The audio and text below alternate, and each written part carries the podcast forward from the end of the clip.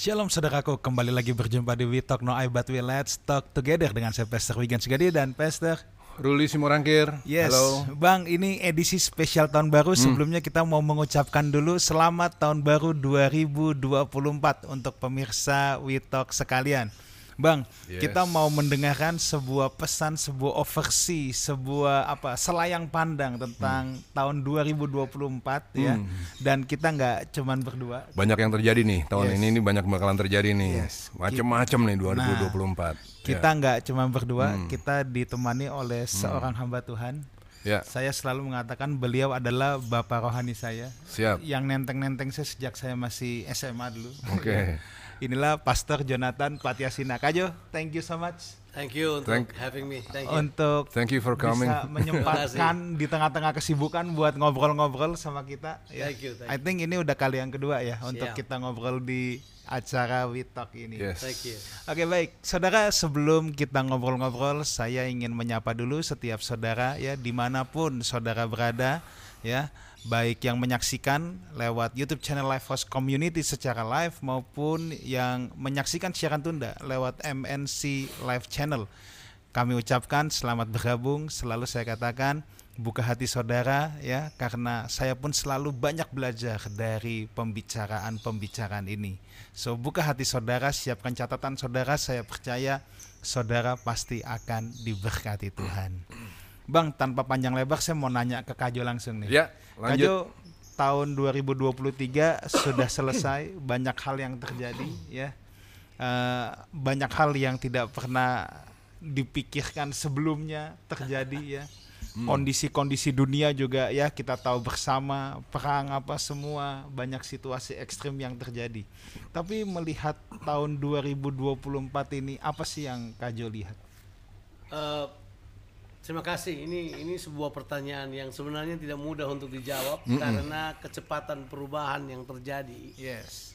Mungkin apa yang kita jawab sekarang dalam waktu hanya jam bahkan minggu atau bulan sudah bisa berubah.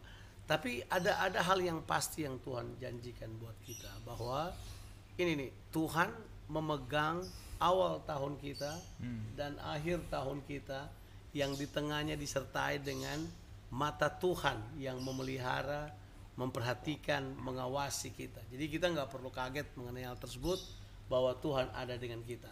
Nah ini yang saya rasa penting sekali kita ketahui. Tuhan kita adalah Tuhan yang mengawasi, mengawasi untuk menolong. Tapi Tuhan kita juga adalah Tuhan yang rindu membawa kita kepada perubahan-perubahan yang baru, pada jalan-jalan yang baru yang Dia siapkan buat kita.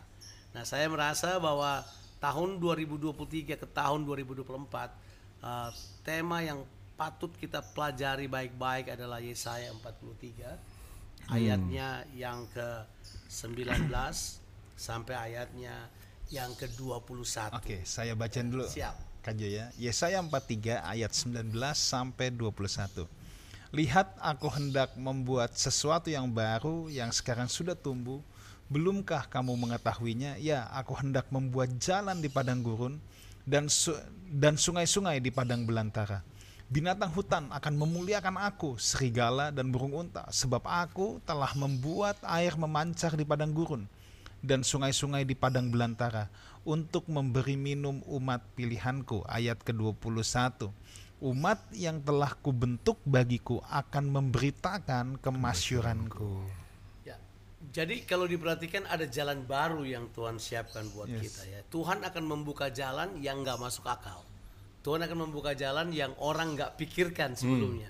Jadi ada jalan-jalan yang kita perlu lihat. Nah kita, kita mesti paham bahwa apa pun jalannya, the leading of the way itu adalah Yesus. Yesus adalah jalan. Kita nggak perlu takut. Dia akan bawa kita pada jalan apa saja. Tapi jalan yang baru yang akan kita masuki nanti itu, kalau di ayat yang kita baca tadi, saya simpulkan dengan tiga hal yang yang penting. Jalan baru itu adalah yang pertama adalah jalan yang produktif. Produktif. Oke. Pengertian dia produktif itu begini bahwa nanti akan ada sebuah terobosan-terobosan baru bagi umat Tuhan untuk mengalami tingkat produktivitas yang bertambah. Hal ini disebabkan karena di akhir-akhir zaman ini Tuhan sedang mengungkapkan isi hatinya lebih banyak lagi, dia mencurahkan keinginannya lebih banyak lagi dan orang-orang yang mengerti kehendak Tuhan, yang menangkap kehendak Tuhan, mereka akan hidup dengan productivity. Iya. Di laju informasi sekarang yang dimiliki, kita tidak perlu juga berpikir sambil berkata, ah kayaknya kerajaan Tuhan kehilangan informasi. Enggak, enggak. Ternyata di akhir zaman Tuhan mempercepat pewahyuannya untuk kita. Alkitab bilang Tuhan memberi pengertian, memberi pengetahuan, hikmat yang berlimpah pada umatnya. Jadi saya kira untuk menjadi pro- produktif, menjadi orang yang berbuah, yang produktif dalam kehidupan, ini adalah saat yang paling bagus untuk kita menangkap saat ini bahwa ada banyak jalan produktif. Kita mesti mengerti Tuhan yang punya jalan. Dia yang akan membawa kita ke jalan itu. Pokoknya kita tidak perlu takut orang percaya tidak akan pernah berada di jalan buntu. Tahun ini kita akan melihat jalan yang sangat banyak. Tuhan akan buka jalan buat kita. Itu yang pertama produktif. Ya. Yang kedua adalah kalau kita baca baik-baik, itu ada creativity di dalamnya, ya toh. Dia bilang ada banyak yang selain dia bertumbuh, tapi juga ini ada ada hal-hal yang nggak masuk akal. Kreativitasnya itu begini. di tiba-tiba di tengah-tengah padang gurun ada sungai yang muncul. Di tengah-tengah padang gurun ada ada hal-hal baru yang muncul. Creativity itu kan adalah sesuatu yang bukan cuman itu. It- Ini kan sifat Allah, sifat menciptakan. Nah, saya yakin sekarang ini manusia akan menikmati sekali lagi hal-hal yang belum pernah mereka lihat sebelumnya muncul dari dalam manusia. Jadi ini Tuhan akan betul-betul me- apa, me- menyatakan kepada gerejanya kalau kamu mengelola potensi-potensi di dalam kehidupanmu akan ada banyak hal-hal yang khusus yang akan muncul.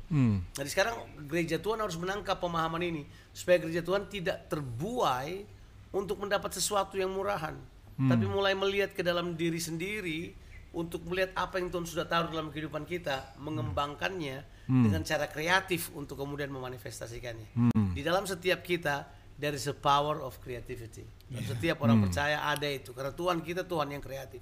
Tidak mungkin orang percaya dibiarkan tanpa creativity. Nah, jalan baru ke kreativitas ini terbuka lebar buat orang percaya. Saya percaya ini saatnya orang percaya berfungsi dengan apa yang saya sebut dengan pewahyuan dari Tuhan, pengertian dari Tuhan, kuasa dari Tuhan, kekreativitasan dari Tuhan untuk mencapai tujuan-tujuan Tuhan dalam kehidupan mereka. Sedangkan yang Yang ketiga, ketiga. yang saya baca di sini adalah the way of kolaboratif. Ada kerjasama yang unik bakal terjadi. Ini di sini kalau dibilang ini serigala dan burung unta. Iya. Saya suka nanya-nanya ini hubungannya apa sih ini serigala dan burung unta? Maksudnya cuma sepertinya it's it's an odd pair. Iya. Hal yang nggak biasa terjadi. Jadi sekarang ternyata hal yang nggak biasa bisa pairing aja. Jadi seperti Tuhan mau mengatakan hal-hal yang dulu nggak bisa bergabung menjadi satu, sekarang bisa. Hal-hal yang nggak bisa menjadi satu nggak bisa. Jadi yakin ada kolaborasi kolaborasi yang baru, kolaborasi generasi yang baru, kolaborasi suku yang baru, kolaborasi yang tidak pernah terpikirkan ya kan. Misalnya sekarang sekarang ini ada ada ras baru misalnya. Ras Chinese menikah sama ras Afrika yang kemudian muncul. Jadi ada ada kolaborasi yang baru. Jadi sekarang ini keinginan untuk berkolaborasi penting sekali. Sebenarnya kerjasama itu idenya siapa sih? Sebenarnya itu idenya Tuhan. Ya toh? Kejadian satu menunjukkan dari awal Tuhan ingin bekerja sama dengan manusia. Baiklah Tuhan ingin- kita menciptakan. Siap. Tuhan berkolaborasi untuk kemudian datang dengan kreativitas dan kemudian dia ingin bekerja sama dengan manusia dari awal. Tuhan mau berkolaborasi dengan manusia. Tuhan mau kerja sama untuk menciptakan sesuatu yang baik. Harusnya gereja, harusnya kita harusnya jadi kata yang saya pilih hati-hati. Champion di dalam kolaborasi, champion di dalam bekerja bersama. Nggak merasa diri paling benar, nggak merasa diri paling pintar, tapi kita bersama-sama bisa merangkul lah untuk jalan ini. Saya sedang membayangkan serigala dan burung unta. Kalau kita pikir, ah nggak mungkin lah dia join sama ini. Yakin saya bisa. Ya, saya yakin bisa. Dan saya kira tujuan dari ini semuanya Alkitab bilang karena Tuhan itu ingin memberi minum umat. Tuhan mau umatnya mengalami langsung pengalaman dari Tuhan. Sehingga ah, umat Tuhan yang mengalami pengalaman langsung dari Tuhan, mereka dibentuk untuk menyatakan kemuliaan Tuhan, menyatakan kemasyuran Tuhan. Saya kira itu itu adalah uh, berita yang penting untuk kita absorb beberapa waktu ini. Ya. Saya mau highlight beberapa hal nih. Siap, ya. siap. Beberapa waktu yang lalu Pastor Wigan sampaikan dalam khotbah. Ini khotbah bulan bulan lalu nih bisa diikutin. Pastor Wigan bikin suatu pernyataan yang mungkin suatu pernyataan yang bisa di-challenge ya. Tapi dikatakan begini, bahwa yang paling penting dari Allah adalah kemuliaannya. Bahwa kemuliaannya harus dinyatakan. Itu yang paling penting. Nah, sekarang ternyata yang disampaikan oleh narasumber kita ini sekali lagi menegaskan bahwa binatang tuh, binatang hutan, serigala, burung onta itu harus memuliakan Tuhan. Nah, kemudian saya tarik dulu nih ke ayat yang 14-nya nih, 43 ya, di ayat 10-nya sorry. Ini ingat nih, kita masuk tahun yang baru, ingat ini. Dikatakan begini, kamu inilah saksi-saksiku. Jangan pernah kita lupa ini. Sering sekali banyak orang yang karena larut dalam masalah 2023 bukan tahun yang gampang. Tahun 2023 tahun yang ruwet luar biasa. Karena kita larut dalam masalah, mau menyelesaikan masalah kita, nyampe ke goal-goal kita sendiri, maka akhirnya kita sibuk sama kepentingan kita. Tapi dikatakan di sini, kamu inilah saksi-saksiku demikian firman Tuhan. Dan kamu adalah hambaku yang telah kupilih. Supaya kamu tahu dan percaya kepadaku dan mengerti bahwa aku tetap dia, bahwa aku harus dimuliakan. Nah ketika kita memuliakan Allah, tadi Bang Jodo bilang, harus ada tiga hal yang terjadi di situ. Productivity, creative, dan collaboration. Ini tiga hal yang secara cerdas disaring nih. Ini ini bahasa yang ajaib loh. Look, ini kita bahas habis ini semuanya ya. Look, look, look. Kalau kita mau menjadi saksi, tapi kita nggak produktif, how are we going to be a saksi buat Tuhan? Kalau kita nggak kreatif di dalamnya, kalau kita nggak ada kolaborasi, semua gereja pada sendiri-sendiri, belain denominasi sendiri, jagoan sendiri, bikin menara gadingnya sendiri bukan? Nah, kamu adalah saksiku, kamu harus memuliakan aku. Ketika kamu memuliakan aku harus ada tiga buahmu, produktif, kreatif, kolaboratif. Gitu kan kira-kira kan? Wow. Oh, itu kan luar biasa banget message hari ini. Nah, nah, nah, You, you did better, I think. nah sekarang masalahnya gini bang, kalau kita ngomong soal produktif ya, ini langsung mungkin pendengar kita ini langsung pening kepalanya, karena nggak semua orang bisa produktif bang. Ada orang Menurut- bingung mau ngapain. Mau ngapain bang? Kemarin saya ini lagi cerita yang kemarin saya baru pulang dari si borong-borong. Aduh, itu hampir nggak ada turis sama sekali. Hampir nggak ada turis sama sekali. Kosong melompong. Danau Toba itu dulu pernah jadi satu primadona turis. Hari ini karena satu dan lain hal udah nggak ramai lagi. Nah, dalam kondisi-kondisi yang seperti itu, how a person can be productive. Memang Tuhan menyertai. Tapi apa bang yang mesti dibuat sama orang-orang sehingga mereka bisa produktif? Pasti dalam pelayanan Bang Jo pernah ketemu lah yang begini-begini permasalahan seperti ini. Share it with us. eh, saya kira pertanyaan ini adalah pertanyaan semua orang. kan? Yes. Dan ini adalah pertanyaan yang sering kali dikatakan oleh orang-orang yang selalu ada di pihak ter- ketergantungan pada apa yang di luar mereka. Ini ini yang saya maksudkan bahwa kalau kita paham bahwa manusia itu diciptakan dia hanya dapat bergantung pada Tuhan dan bergantung pada sesamanya itu aja. Hmm. Di luar daripada itu, sebenarnya manusia punya kemampuan yang sangat tinggi untuk memproduksi dari dalam dirinya. Jadi ini, ini prinsip Alkitab yang kalau kita pelajari secara serius ya. Tuhan kita itu telah install, ini bahasa saya pilih install ini apa itu? Memasukkan Ya. ke dalam kita Ya. segala sesuatu yang kita perlukan untuk hidup kita, untuk kehidupan yang saleh, artinya untuk serupa dengan Tuhan, bahkan untuk yang berikut adalah supaya kita kemudian dapat menghasilkan sesuatu yang dapat dinikmati orang lain. Nah, susah sekali orang untuk mempercayai bahwa hal tersebut sudah ditaruh di dalam kita. Hai. Nah, ternyata pandemi kemarin serve something good for us. Apa itu? Bahwa kita kemudian sadar di dalam kita ada yang kita bisa kerjakan. Bukan hanya karena kepepet, tapi waktu kita dalam keadaan terjepit tidak bisa keluar, tidak bisa bikin apa-apa, muncul tuh kemampuan-kemampuan Macam-macam tuh. macam-macam Ah, macam-macam saya bahkan kalau tidak salah nonton di apa American Got Talent ada seorang perempuan yang jadi jago ventriloquist dan kalau salah dia menang itu disebabkan cuma karena sederhana selama pandemi Nggak bisa bikin ke mana-mana. apa-apa tiba-tiba muncul kemampuannya. Ada dan saya kira kalau di, di komunitas kita ada yang tiba-tiba sadar ternyata dia adalah pemain gitar yang jago, sebelumnya dia nggak tahu.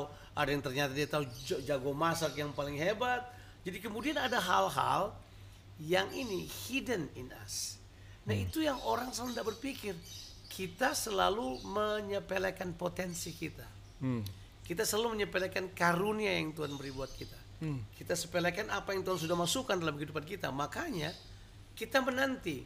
Kita memang hidup di era industri, memang kita menanti ada industri yang tolong kita untuk keluar. Tapi harusnya kita ini di dalam kita ini ada potensi yang harus dikeluarkan. Jadi harusnya semua orang percaya mesti tahu di dalam dia ada kemampuan yang Tuhan taruh.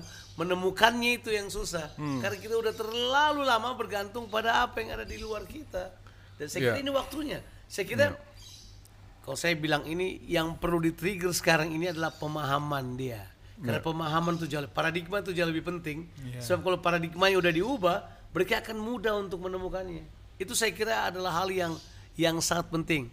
Nah, memang tidak bisa dipungkiri situasi dunia mempengaruhi kita, tapi harusnya kita bisa triumphant secara pribadi paling tidak kita bisa untuk bisa menolong orang lain, mengeluarkan yang terbaik dari kehidupan kita. Karena Tuhan sudah menaruh semua yang kita perlukan dalam kehidupan kita. Itu itu itu pemahaman sederhana. Jadi gini kan, berarti kan yang mesti yang mesti ditangkap begini ya. Tuhan nggak, eh, pertama dulu nih, it's downloaded, it's installed Yes. Yes. di sini. It's downloaded and installed. Hanya kita perlu buka-buka folder-foldernya. Ini kan jadi kekinian banget.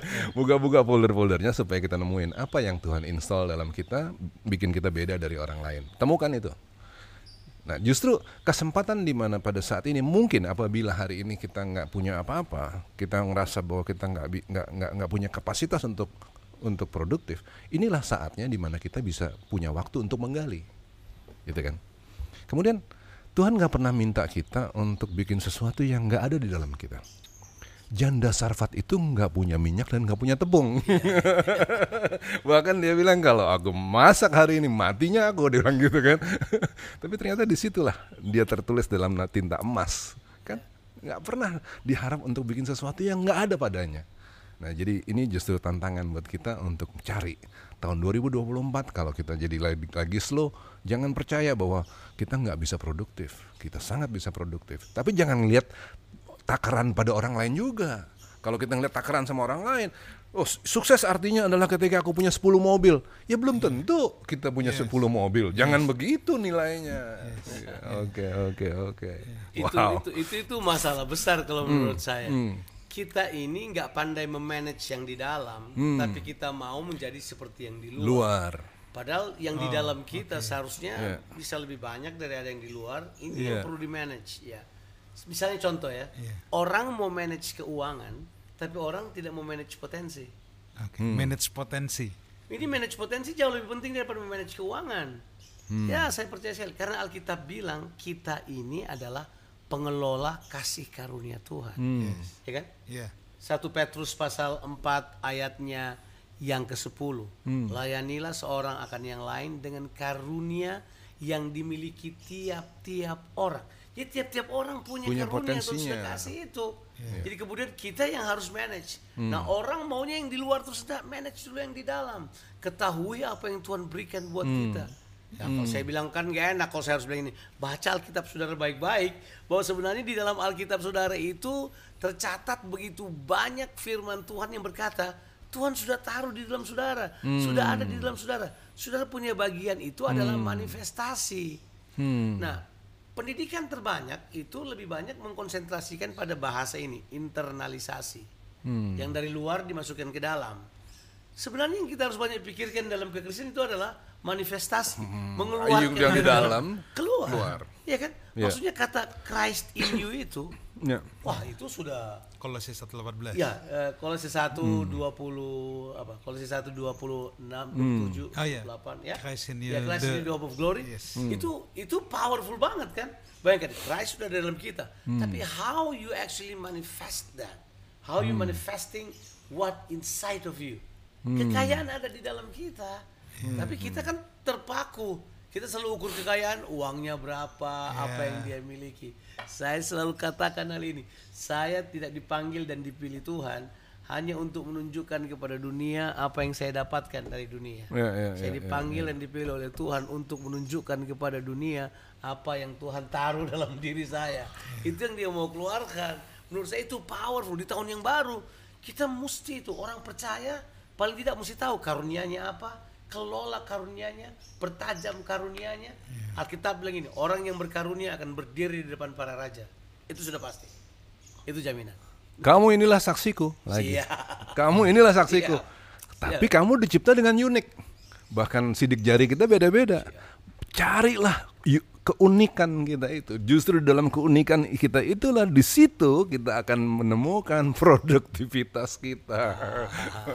Aduh. Iya sih, iya sih, iya sih. Oke. Nah, yang kedua dong. Tunggu bentar. Belum. Kak Jo tadi bicara tentang mengelola potensi. ya. Aku suka banget dengan kata itu. Nah, Tapi aplikasi dari kalau orang bingung mengelola potensi itu seperti apa Oke, ya? good. Ada beberapa hal yang kita dapat tahu apa potensi kita atau tidak. Hmm. Itu itu hal yang sangat natural. Hmm. Yang pertama paling tidak kamu mengerjakannya dengan baik. Sesuatu yang kamu mengerjakannya dengan baik. Yes. Hmm. Tapi itu kan harus dilakukan berulang kali. Iya. Sebab semua itu namanya aja potensi. Potensi itu sesuatu yang potensial, bukan sesuatu yang udah jadi atau bukan sesuatu produk yang sudah sudah siap pakai. Dia perlu dikelola. Namanya aja potensial. Things that you don't see. Yeah. Potential things that going to come. Yeah. Things that going to do. Sesuatu yang nanti akan terjadi. Jadi bagian kita itu adalah menemukannya. Menemukan apa sebenarnya yang Tuhan taruh dalam diri kita. Nah untuk hal tersebut cara yang terbaik adalah ini cara yang saya lihat. Coba layani orang aja. Ya. Kamu layani orang. The only way to know what you are strong is in you itu adalah hey serve others. Kok waktu saya layani ini orang suka, saya buat ini orang nggak suka, saya kerjakan ini orang nggak suka. Lakukan itu pada orang lain. So serve others. Ya, Serve others. sa- waktu saya dulu layani orang banyak, saya pikir apa untungnya buat saya. Tapi kemudian saya tahu, I know my strong point. Waktu kita tahu strong point kita, kita konsentrasi pada hal tersebut. Dan strong point kita kan bukan cuma satu. Ada beberapa kan. Iya. Strong point artinya secara sebagai hamba Tuhan. Saya bisa bicara saya sebagai saya pun life coach, saya coach orang juga. Ya saya coach orang dan eh, saya coach mereka. Saya kasih tahu saya pendeta, saya sampaikan kepada mereka apa yang firman Tuhan katakan. Beberapa tertolong kan di, di, di, di- jadi coach kan bukan ngajarin orang. Jadi coach lebih banyak menanyakan apa yang mereka belum buat, ya. Kemudian mengarahkan mereka pada tujuan. Saya kemudian sadar bahwa dalam saya ada kemampuan itu. Hmm. Padahal saya kalau counseling saya nggak nggak saya tidak terlalu pandai counseling. Hmm. Tapi untuk eh, memberitahukan pada orang bahwa ini yang kamu dapat kerjakan saya sangat kuat. Motivasi orang saya sangat bagus. Saya bukan motivator. Saya saya seorang pendeta, saya seorang hamba Tuhan. Tapi saya bisa, saya bisa membangkitkan semangatnya orang, saya bisa. I know I'm strong in that. Nah, kalau kita kemudian tahu yang kita miliki, Iya. itu yang dipertajam. Karena kita kita tidak kelola itu. Jadi ada banyak karunia mentah di gereja. Seandainya semua gereja semua gereja dengan orang-orang yang berkarunia di dalamnya dipertajam, dipersiapkan, wah itu explosion, Pak. Itu explosion. Saya kira itu yang dibilang di kitab eh, Efesus pasal 4 ayatnya yang ke-11 sampai ayatnya yang ke-16. Eksplosif itu. Ketika orang gali potensi, akankah dia nemuin kegagalan? Ke- Kegagalan Kegagalan adalah- dalam arti ternyata ini yang, yang dia kerjain dia nggak su orang nggak suka misalnya gitu. Misalnya Ya. seperti itu. Se- sebenarnya kan tuju- kita mesti paham kenapa Tuhan kasih karunia buat kita. Hmm. Tuhan kasih karunia buat kita adalah itu supaya itu dipakai untuk kepentingan orang lain yang Oke. ada di sekitarnya. Oke. Kalau dalam bahasa satu Korintus itu to serve the body. Jadi pasti karunia yang Tuhan berikan buat kita akan fit into the body. Ya. Oke. Ada ada banyak karunia nabi yang nggak disukai kan. Mereka punya karunia nabi. Waktu mereka mulai kasih tahu yang sebenarnya pada seseorang, orang nggak suka. Haruskah dia berhenti? Jawabannya tidak. Dia harus mempertajam karunia kenabiannya sampai dia bisa kreatif seperti Nathan datang pada raja beritahu nih, kamu sebenarnya pembunuh dan pezina yang dimaksud itu. Tapi dia menggunakan cara yang kreatif sampai raja nggak bisa bikin apa-apa kecuali bertobat. Jadi artinya dari ada ada pengembangan karunia ada ada semua harus dikembangkan. Nah, jadi berarti dalam mengembangkan ke- potensi tadi itu akan kita ketemu batu-batu yang seperti itu, Yes. itu perlawanan, Yes. penolakan dan Biasa lain-lain ya. itu ketemu kan? Pasti. Jangan berhenti. Jangan. Menggali potensi terus, ya kan? Oke, lanjut terus.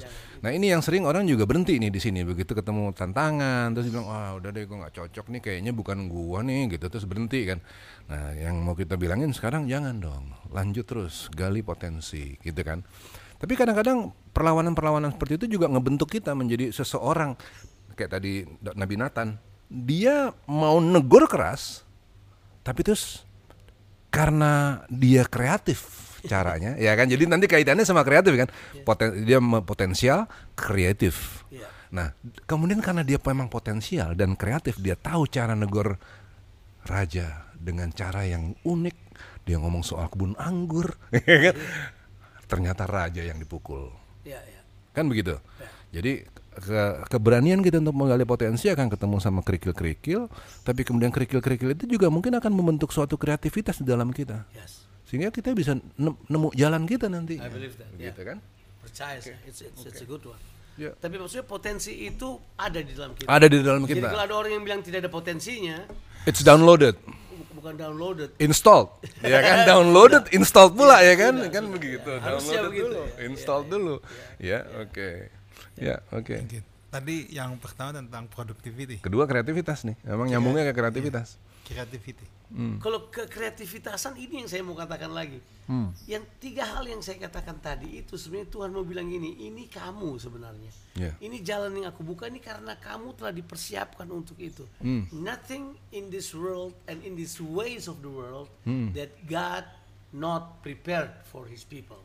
Hmm. Semuanya has been prepared. Tuhan kita Tuhan persiapan yang luar biasa. Hmm. Jadi waktu dia bawa kita masuk ke sini, dia sudah tahu tujuannya apa, kepentingannya apa. Jadi waktu dia bawa kita ke jalan yang baru di mana kita nggak tahu, dan kita mulai berpikir apa nih yang belum pernah kita buat sebelumnya. Kalau kita mulai berpikir apa yang kita belum pernah buat sebelumnya, dan creativity comes. Oh ini yang kita belum pernah buat sebelumnya. Gereja dibatasi oleh tujuh kata, saya bilang kata kutuk sih ini. Kami tidak pernah melakukan hal ini sebelumnya. itu, itu belum pernah, karena mereka tidak pernah buat, mereka tidak pernah lakukan. Akhirnya mereka tetap tertinggal pada posisi di mana mereka bisa buat aja. Padahal di depan sini masih begitu banyak hal yang mereka bisa lakukan. Cuma karena mereka tidak pernah pernah lakukan, ya tidak pernah sampai. Akhirnya perlu ada orang yang try, perlu ada orang yang coba, perlu ada orang yang melakukannya ke depan. Makanya selalu ada yang bilang, there's always be a first timer Ya, for ya. anything. Ya, ada yang ya, pertama memulai, biasanya mereka menjadi apa? Ini kata ini, pioneer. Pioneer. Tahu nggak pioneer itu di, di bahasa Alkitab itu imam besar tuh pioneer. Yesus pioneer duluan. Baru dia bilang aku udah jalan, kamu ikut aja. Karena ini jalan baru, ini jalan kreatif, ini jalan powerful. Jalan yang saya kira semua orang percaya bakal terkejut nanti. Nanti kita bakal terkejut ya. Orang yang kita pikir biasa-biasa di gereja, suddenly they change. They become the source of something. They become mereka menjadi orang yang punya pemahaman yang berbeda. Bisnis mereka tiba-tiba berubah. Karena saya percaya itu bakal terjadi. Ini adalah saatnya di mana di mana kesempatan itu terbuka buat kita. Jalan ini terbuka lebar buat orang percaya. Ya, kreatif. Perkembangan gereja itu begitu cepat. Pastor Wigan sekali lagi ngomong begini. Dulu ya ada gereja disebut gereja tua. Terus ada gereja modern waktu itu. Dengan sinode-sinode yang dianggap modern ya kan. Hari ini gereja modern itu dianggap gereja tua, Kuno. kuno. Yang kuno jadi Yang purba. kuno itu ke gereja purba gitu. Ini ini perkembangan luar biasa cepat. Tapi memang ternyata Pastor Joe juga benar. Banyak gereja yang ke- kepentok sama sama adat istiadat. Sama pola gereja. Lit, susunan liturgi. Kalau dia tetap bertahan seperti itu, dia nggak akan jadi produktif loh untuk menangin jiwa-jiwa. Dia nggak bisa jadi saksi Tuhan. Karena bagaimanapun generasi berubah. Kalau generasi berubah nggak diakomodasi, mau ke mana mereka? Kan gitu masalahnya. Padahal kalau kita ingat ya, dulu kalau nggak ada no mention, itu nggak ada keselamatan di tanah Batak. No mention masuk ke tanah Batak itu kan dengan cara kreatif loh. Karena dia pakai pakai filosofi Batak diadopsi sehingga menjadi ado, menjadi suatu kisah Alkitab. Jadi kisah Alkitab disampaikan lewat filosofi Batak kan. Akhirnya masuk kan. Kalau dia nggak cara seperti itu kan dia nasibnya sama seperti penginjil yang sebelumnya disaksang. Kreativitas kan. Tapi kenapa kreativitas yang dulu itu pernah ada hari ini menjadi suatu tatanan liturgi yang mati gitu. Apalagi kita sebagai sebagai gereja Tuhan dalam huruf besar G besar ya. Jangan sampai kita nih nggak kreatif dong untuk menangin jiwa-jiwa untuk banyak hal. Be a creative person gitu ya. Wow. For years dunia dibilang lebih kreatif dari gereja. Iya. Tapi saya bilang udah enggak, nggak waktunya kan selesai. Gereja bakal lebih kreatif. Secara secara musik, secara apa, gereja leading the ways now. Ya, di hampir di seluruh dunia. Pemenang-pemenang itu adalah orang-orang yang percaya pada Tuhan, yang percaya talenta, kreatif luar biasa ya. Dulu penyanyi gereja itu belakangan jadi penyanyi pop yang keren gitu. Tapi dia keren dulu di gereja ya kan? sekarang ke mana nih orang-orang? Nggak ada lagi. Iya, iya sih. iya kan? sih, iya. gereja led the way then Harusnya. it is time nih Kak Jo jadi bikin tantangan nih tahun baru ditantang Uh, it is now it is time untuk church to take the lead 2024 Agree. gitu Kita dikasih jalannya kok. ya kita dikasih jalannya kok You lead the way. Harusnya Yes. kita jadi trendsetter ya Kak Jamal. trendsetter Ya, saya percaya, saya percaya. Saya percaya itu adalah uh, apa yang yang Tuhan inginkan buat kita ya. Kita kita menjadi orang-orang yang menyatakan kekuasaan Tuhan di muka bumi ini. Itu sudah jelas. Kekreativitasannya, idenya itu hikmat yang dia berikan buat kita. I agree. Ya, saya setuju banget. wow Tadi hal yang ketiga apa? Kolaborasi. kolaboratif Kolaboratif. Ini yang paling susah ini. Untuk sebagian orang. Nggak, mak- maksudnya apa yang susah ya menurut kita ya? Apa yang susah ya? Eh, begini, kalau kita belajar bumi ini aja atau atau secara biologis deh, itu ada yang namanya ekosistem kan? Iya. Itu ada eh, Tuhan sudah mengatur semua sistem dengan baik dan aturannya Tuhan dalam sistem itu semua orang harus bekerja sama, tersentuh satu sama lain pada titik di mana mereka akan berkolaborasi anytime dalam kehidupan ini, ya toh? Eh, gajah makan makan apa? Makan apa potongan dari itu dari mulutnya gajah keluar enzim membuat ada apa yang lain dimakan oleh hal yang lain. Sehingga ada pemahaman di ekosistem ada predator ada yang yang kemudian memakan yang ini kemudian ini dimakan oleh ini. Itu menunjukkan bahwa satu satu rantai kehidupan itu bagaimanapun itu saling mengisi saling mengisi. Dan titiknya orang bisa menilai itu entar itu negatif itu positif sudah bukan itu yang jadi masalahnya. Bagaimana kita dapat bekerja bersama itu menyadari. Karena kita ini sekarang ini sedang ada pada spirit yang sangat ini sangat kuat sekali. Namanya isolation spirit. Itu kan ciri dari manusia modern itu. Kita isolate diri kita. Kita tolak orang lain. Kita nggak suka kepemimpinan. Kita nggak suka atau we isolate ini isolation spirit ada di mana-mana. Nah orang percaya harus keluar dari isolation spirit itu untuk mulai mengerjakan hal yang lain. Itu dia. Di mana kita mulai sadar eh saya perlu kamu yuk kita bekerja bersama kolaboratif. Dan Tuhan suka orang yang bekerja bersama. Tuhan datang dari awal sebagai tim kok. Iya iya iya. Iya iya. He's a teamwork God. Iya iya iya. Tadi saya kan nyinggung sedikit di awal. Ya. Waktu Allah mau menciptakan, baiklah kita. Kemudian setelah Allah menciptakan, Allah ngerangkul lagi kepada Adam dan Hawa beranak cucu lah. Be fruitful. Yes. Be fruitful. Beranak cucu kan itu, be fruitful supaya kamu menjadi berkat bagi banyak orang. Gitu kan ya? Jadi Allah mengajak Adam dan Hawa untuk menjadi rekan sekerja Allah, kan gitu. Nah, kemudian nggak tahu kenapa sekarang semangatnya menjadi individualistik. Kesulitan dari kolaboratif mungkin salah satunya adalah insecurity. bisa saya yakin itu adalah penyakit yang paling tua di dunia itu ya ya, Iya. ya. Tapi persoalan lainnya adalah keinginan banyak gereja untuk melindungi jemaat dari pengajaran salah. Ini juga, ini juga nih, itu kan. Jadi Sekarang kalau kita bicara tentang tentang apa eh, kolaborasi, gimana kita ngatur ya? Karena memang bagaimanapun ada juga sih pengajaran yang salah dan lain-lain tuh jadi gimana? kan dalam dalam ilmu bekerja bersama kita mengetahui kita punya titik temu yang sama selalu ya kan dunia ini semuanya berbeda tapi bisa berjalan bersama ya toh? Prinsip utamanya ada titik-titik temu yang dapat kita lakukan. Kalau misalnya saya tahu dengan Wigan saya tidak cocok di sisi yang ini kalau saya ketemu dia saya tidak akan bahas itu sebagai hal yang penting. Saya hanya mau kita dapat bekerja bersama untuk mencapai tujuan. Tujuan Allah lebih penting daripada kesalahan orang lain atau daripada kecelakaan orang lain atau kesesatan orang lain atau kebenaran saya itu tidak terlalu penting. Yang penting kita bekerja bersama untuk tujuan Tuhan.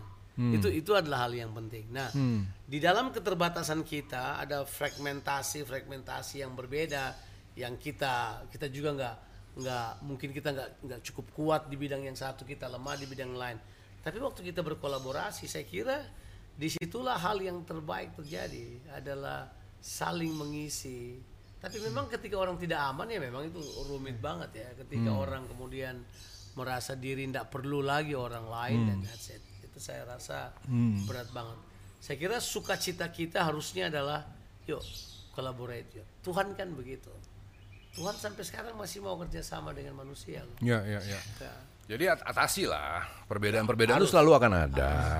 Kesesatan-kesesatan selalu ada. Nah, misalnya kalau misalnya faktor penyesatan tadi, saya kira memang tanggung jawab kita sebagai pemimpin atau Ya. orang yang kita harus mendewasakan orang yang dipimpin supaya kemudian mereka bertumbuh pada kedewasaan di mana mereka punya panca indera yang terlatih untuk membedakan ya Ibrani Hmm.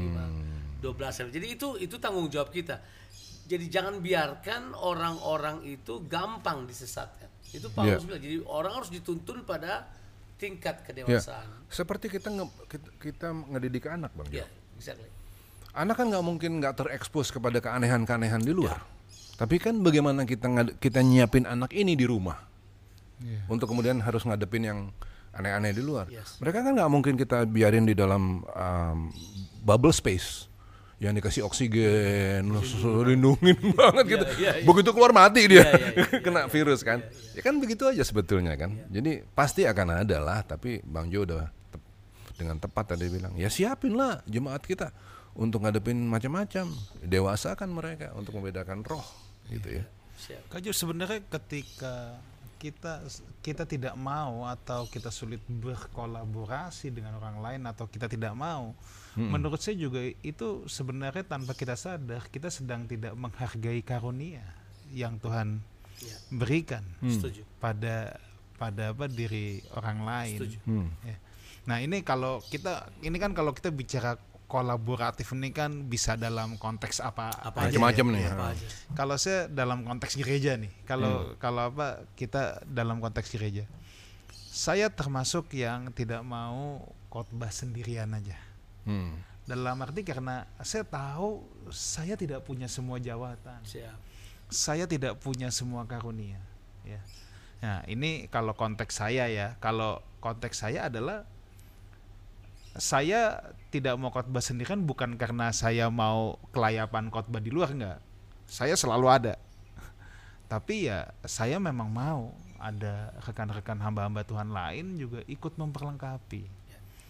Khususnya di karunia-karunia, di jawatan-jawatan yang saya tidak punya.